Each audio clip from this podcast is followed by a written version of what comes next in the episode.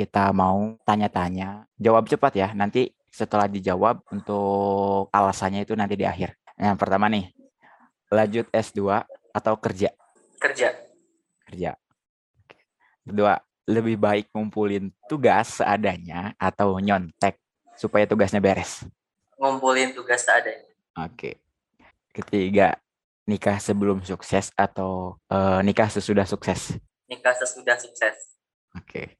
Uh, milih universitas Islam atau universitas secara umum? Universitas umum. Oke. Kerja sambil kuliah atau kuliah sambil kerja? Kuliah sambil kerja. Oke.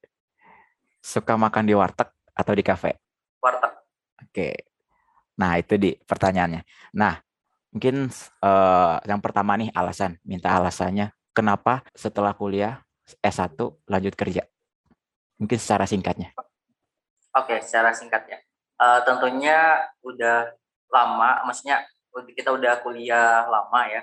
Hmm. Uh, mungkin akan lebih baiknya kalau misalkan kerja terlebih dahulu fokus kayak gitu. Karena menurut saya sih uh, di umur sekarang ini emang yang di mana kita udah 22 23 kayak gini ya mungkin bakal lulus 24 kayak misalkan aku ya Nah itu tuh uh, adalah fase-fase di mana kita emang harus perjuangin finansial kita dulu. At least kita hmm. udah mencapai financial stable di mana kita bisa ngurus kita sendiri. Dan uh, ada pun S2 itu kan ibaratnya kita bilang adalah sunnah ya. Jadi uh, yang mana kalau misalnya kita udah bisa ngidupin diri kita, ya kayak gitu bisa ngasih ke orang tua juga, yang mana itu adalah hal, hal wajib. Nah kalau S2 kan bisa disusul. Jadi okay. kayak gitu sih. Berarti S2 tuh kamu juga pengen tapi yang sekarang beres S1 tuh kerja dulu ngumpulin uang dulu ya? Benar nah, oke okay, oke. Okay, mantap mantap. Nah yang kedua nih kenapa ngumpulin tugasnya seadanya daripada nyontek supaya beres? Uh, sebenarnya ini alasannya klasik ya karena kejujuran ya.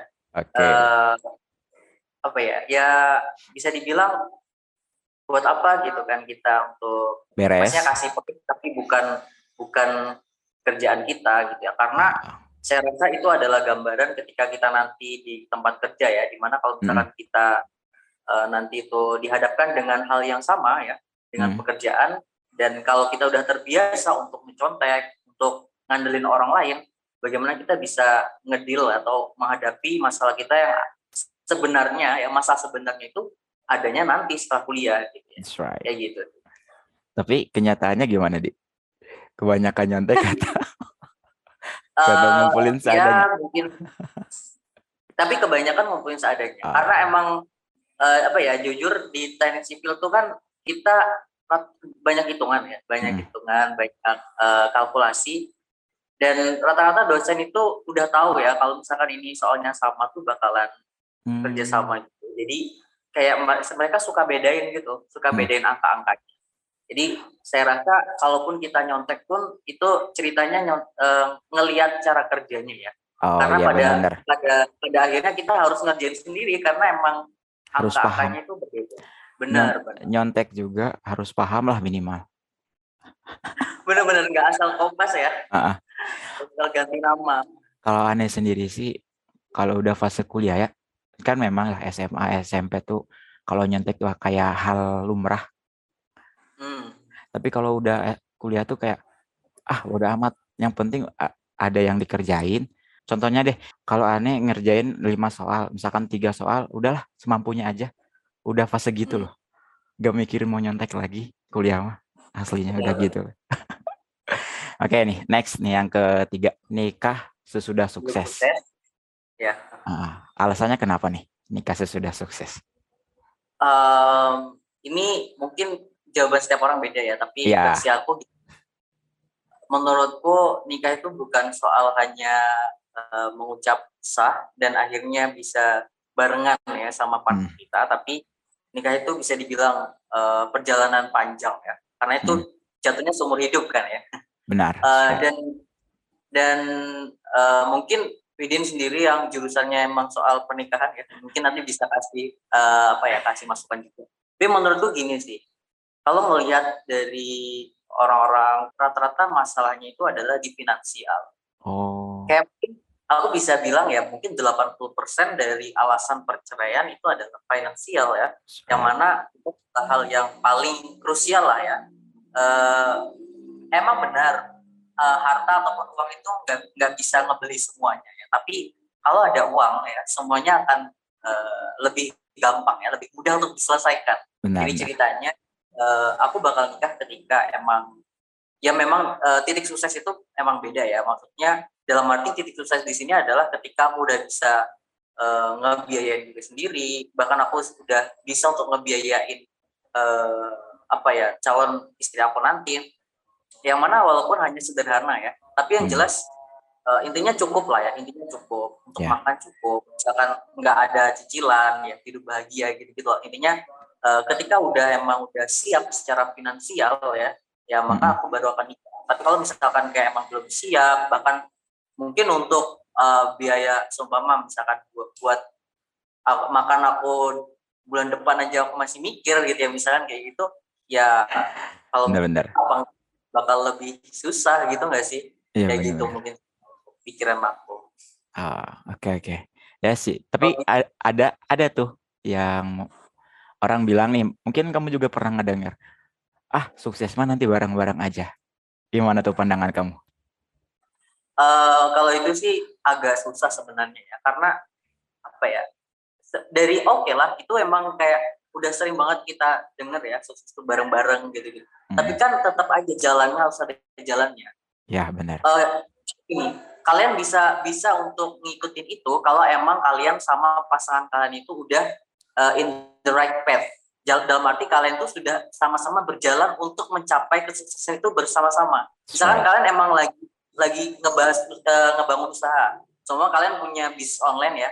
Kamu sama hmm. pasangan kamu punya bisnis online, oke anggaplah sekarang kalian belum terlalu maju tapi kalian lagi on progress untuk ngebangun bisnis itu bareng-bareng terus nah, kalian nikah eh nggak apa-apa ya intinya mm-hmm. bareng-bareng tapi kalau misalkan pasangan kamu misalkan anggaplah kamu cewek pasangan kamu itu misalkan belum dapat pekerjaan yang tetap kayak gitu ya misalkan kayak belum belum ada belum ada uh, pendapatan yang emang secara bulanannya itu ada terus kemudian kamu sendiri juga masih bingung untuk ngebiayain diri kamu misalkan kamu cewek terus kamu buat uh, buat diri kamu aja kamu masih kurang-kurang gitu ya mm-hmm. dan lain-lain apalagi cowok ya buat mm-hmm. uh, buat misalkan buat ngehidupin buat makan kamu aja kamu masih kayak susah mm-hmm. terus kamu bilang nggak apa-apa sukses mah nanti bareng-bareng. Yeah. kamu itu omong kosong ya. Ya benar ya, benar setuju setuju setuju banget.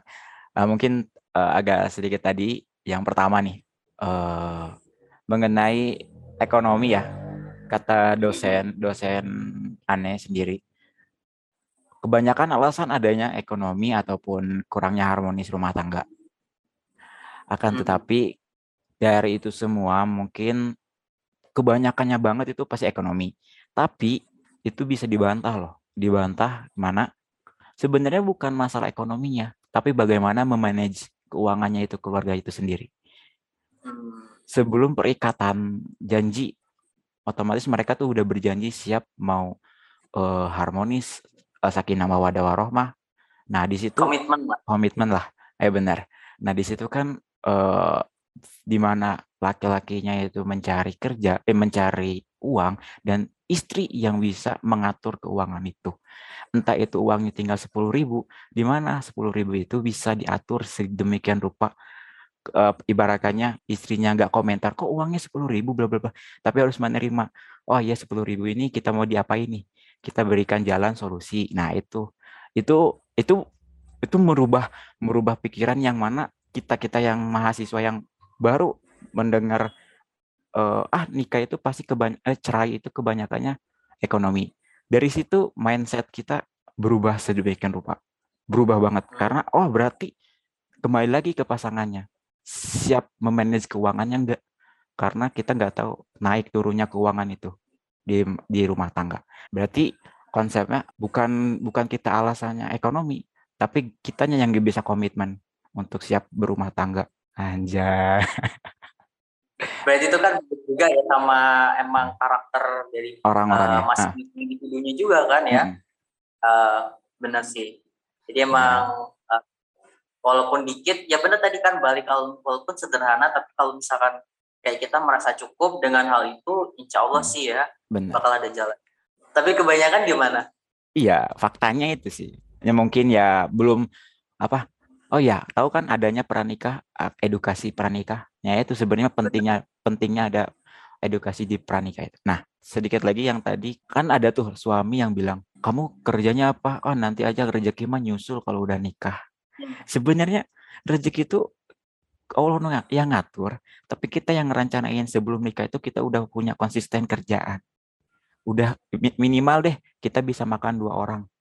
Kalau kita hmm. belum bisa makan satu orang aja belum bisa mencukupi ngapain kita harus kasih makan anak orang benar, benar. minimal deh kita udah punya gaji tetap walaupun itu 500 entah 300 hmm. yang penting gaji tetap yang penting bulanan benar ah, bulanan nggak macet karena kan menurut aku kalau misalnya kita udah dapat uh, apa ya misalkan si cowok udah dapat gaji tetap walaupun hmm. cuma 500 at least perempuannya itu kan bakal bisa apa ya kayak memperkirakan nah kembali lagi memanage lagi Baru.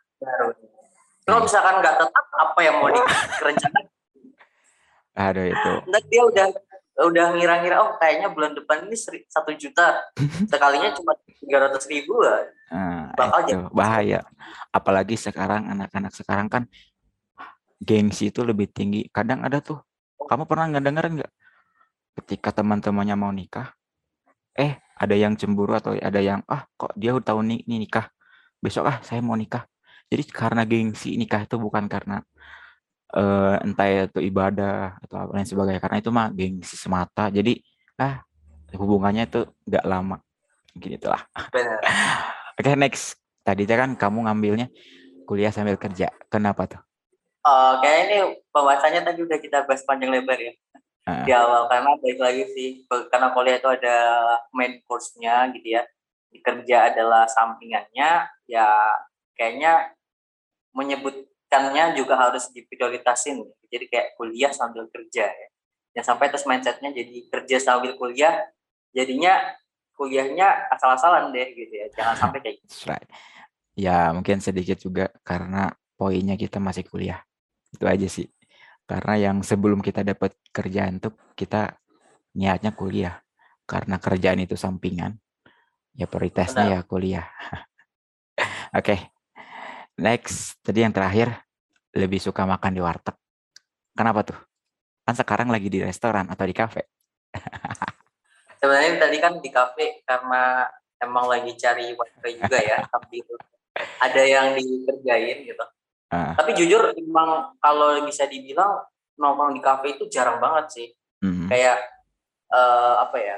Kalaupun ada waktu luang tuh baiknya tidur lah ya di rumah.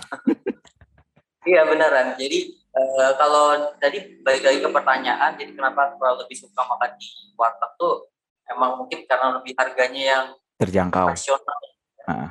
Benar sih, lebih harganya karena pada dasarnya kalau kita makan itu kan yang di uh, apa ya uh, intinya itu adalah makanannya ya. Kita uh. makan makanannya. Iya. Jadi kalau misalnya kita kafe ini jadi makan gengsinya gitu ya. Jadi benar, benar, benar. Ngebayar hal-hal lain yang di mana uh, buat setiap orang tuh beda-beda. Ya, ya oke okay lah kalau kalian mungkin adalah orang yang dengan gaji 10 juta per bulan ya. It's okay. Uh, ya oke okay. maksudnya ya that's fine gitu itu terserah lo gitu. Kalau hmm. mau makan tiap hari di kafe, di restoran ya nggak apa-apa sih kayaknya gitu. Kalau hmm. misalkan uh, kita cuma berkecukupan ya, ya mahasiswa ya. Uh. Mahasiswa mah aduh bisa dibilang mikir dua kali. Adalah bener buat makan besok aja masih mikir gitu ya kadang kalau anak kos ya. Ah, bener bener bener. Di ya, tim lebih tingkat ke efisiensinya aja. Bener. Nah kayak kita di Pare aja kan. Kita kalau mau makan gimana gimana gimana? Di warteg itu aja lah. Iya Hampir. Uh, ada kan salah satu itu warung siapa ya? Lupa ya yang prasmanan itu kan ya? Iya kan yang, yang dekat sampai tahu si ibunya juga kita jadwal makan sore. Oke, okay, mungkin sekian dari obrolan kita hari ini. Mohon maaf apabila ada salah-salah kata. So, thanks for watching. I hope you like. Don't forget like, comment, and subscribe. See you next time.